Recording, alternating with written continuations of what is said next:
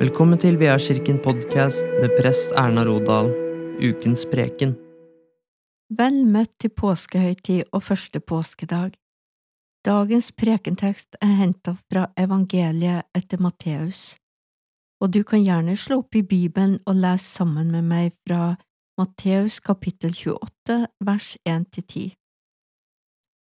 Da sabbaten var over og det begynte å lysne den første dagen i uken, kom Maria Magdalena og den andre Maria for å se til graven.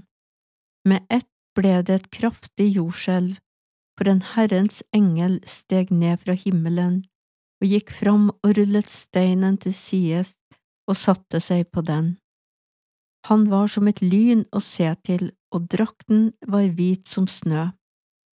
Vaktene skalv av redsel da de så ham, og de ble liggende som døde. Men engelen tok til ordet og sa til kvinnene, Frykt ikke, jeg vet at dere leter etter Jesus den korsfestede. Han er ikke her, han er stått opp, slik som han sa. Kom og se stedet der han lå. Skynd dere av sted og si til disiplene hans, han er stått opp fra de døde, og han går i forveien for dere til Galilea. Der skal dere se ham.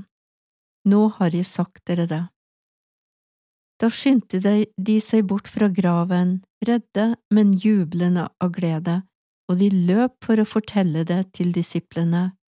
Og se, Jesus kom mot dem og sa, Vær hilset.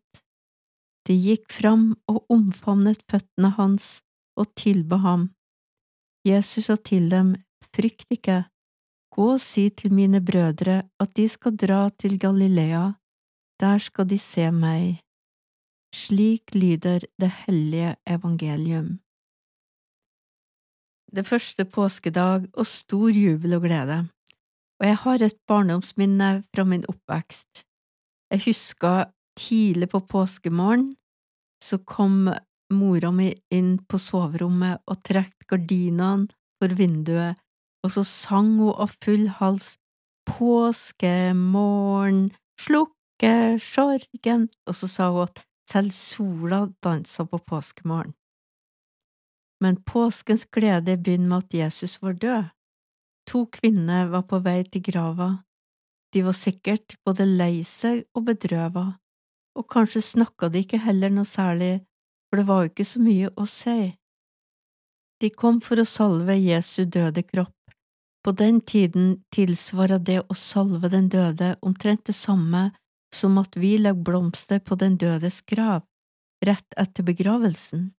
I livet hadde Jesus mange med seg fordi hans gjerninger vakte oppsikt. Nå var det bare et par trofaste kvinner igjen. De kommer til graven, men graven er tom.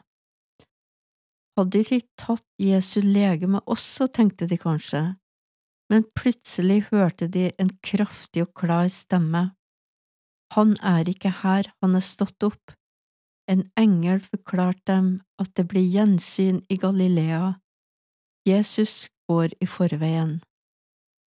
Påskens budskap er et budskap om det som ikke kunne skje.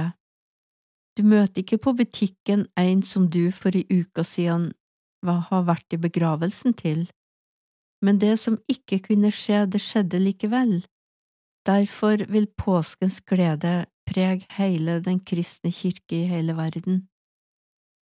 Alle fire evangeliene forteller om det som ikke kunne skje.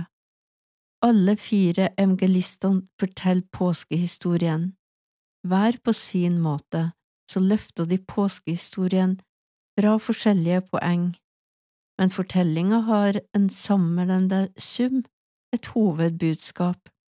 Det umulige har faktisk skjedd.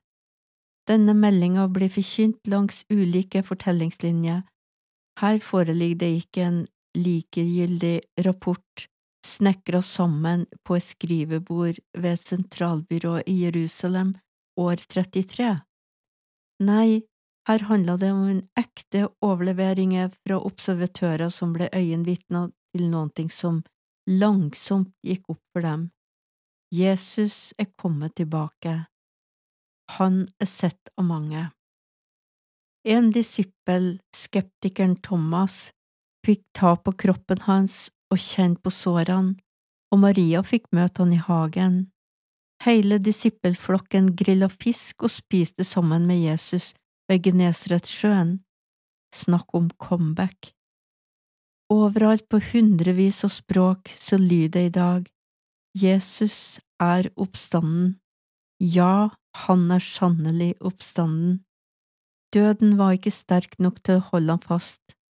Denne gladmeldinga er like gammel som kirka sjøl. Men hva er kjernen i ordet om Jesu oppstandelse? Hva er poenget? Hva skjedde egentlig i alt det som skjedde? Jo, ved å reise Kristus opp fra graven brøt Guds dødens makt, og Jesu offer på korset er godtatt for evig og alltid. Påskemorgens oppreisning er Guds godkjenning av Jesu død og oppgjør for all verdens synd og svik. Jesus forsonte oss med Gud. Påsken handler om forsoning. Synd er ikke et forelda tema. Synd, skyldfølelse og skam er realiteter òg i 2021. Det lar seg ikke bortforklare. Å få sin sak gjort opp er så dypgripende, ja, så livsforvandlende, at Peter i en tale omtaler Jesus som livets opphavsmann, eller anføreren av livet som det egentlig står på grunnteksten. Det sier meg at Jesus ved sin oppstandelse har gått foran inn i livet. Jesus gikk først, og vi, hans disipler, følger etter. Dermed avsløres Jesu motstandere, de ville ha en morder frikjent, men anføreren til livet ble sendt i døden. Og ved det ble Jesus den første av dem som skulle oppstå til evig liv. Han gikk foran og åpna veien til Fars hus, for oss. Forhenget foran det aller helligste i tempelet i Jerusalem revna fra øverst til nederst, og veien inn til Faderens trone var åpna for oss alle som tar imot i tro. Det var påskemorgens gode budskap.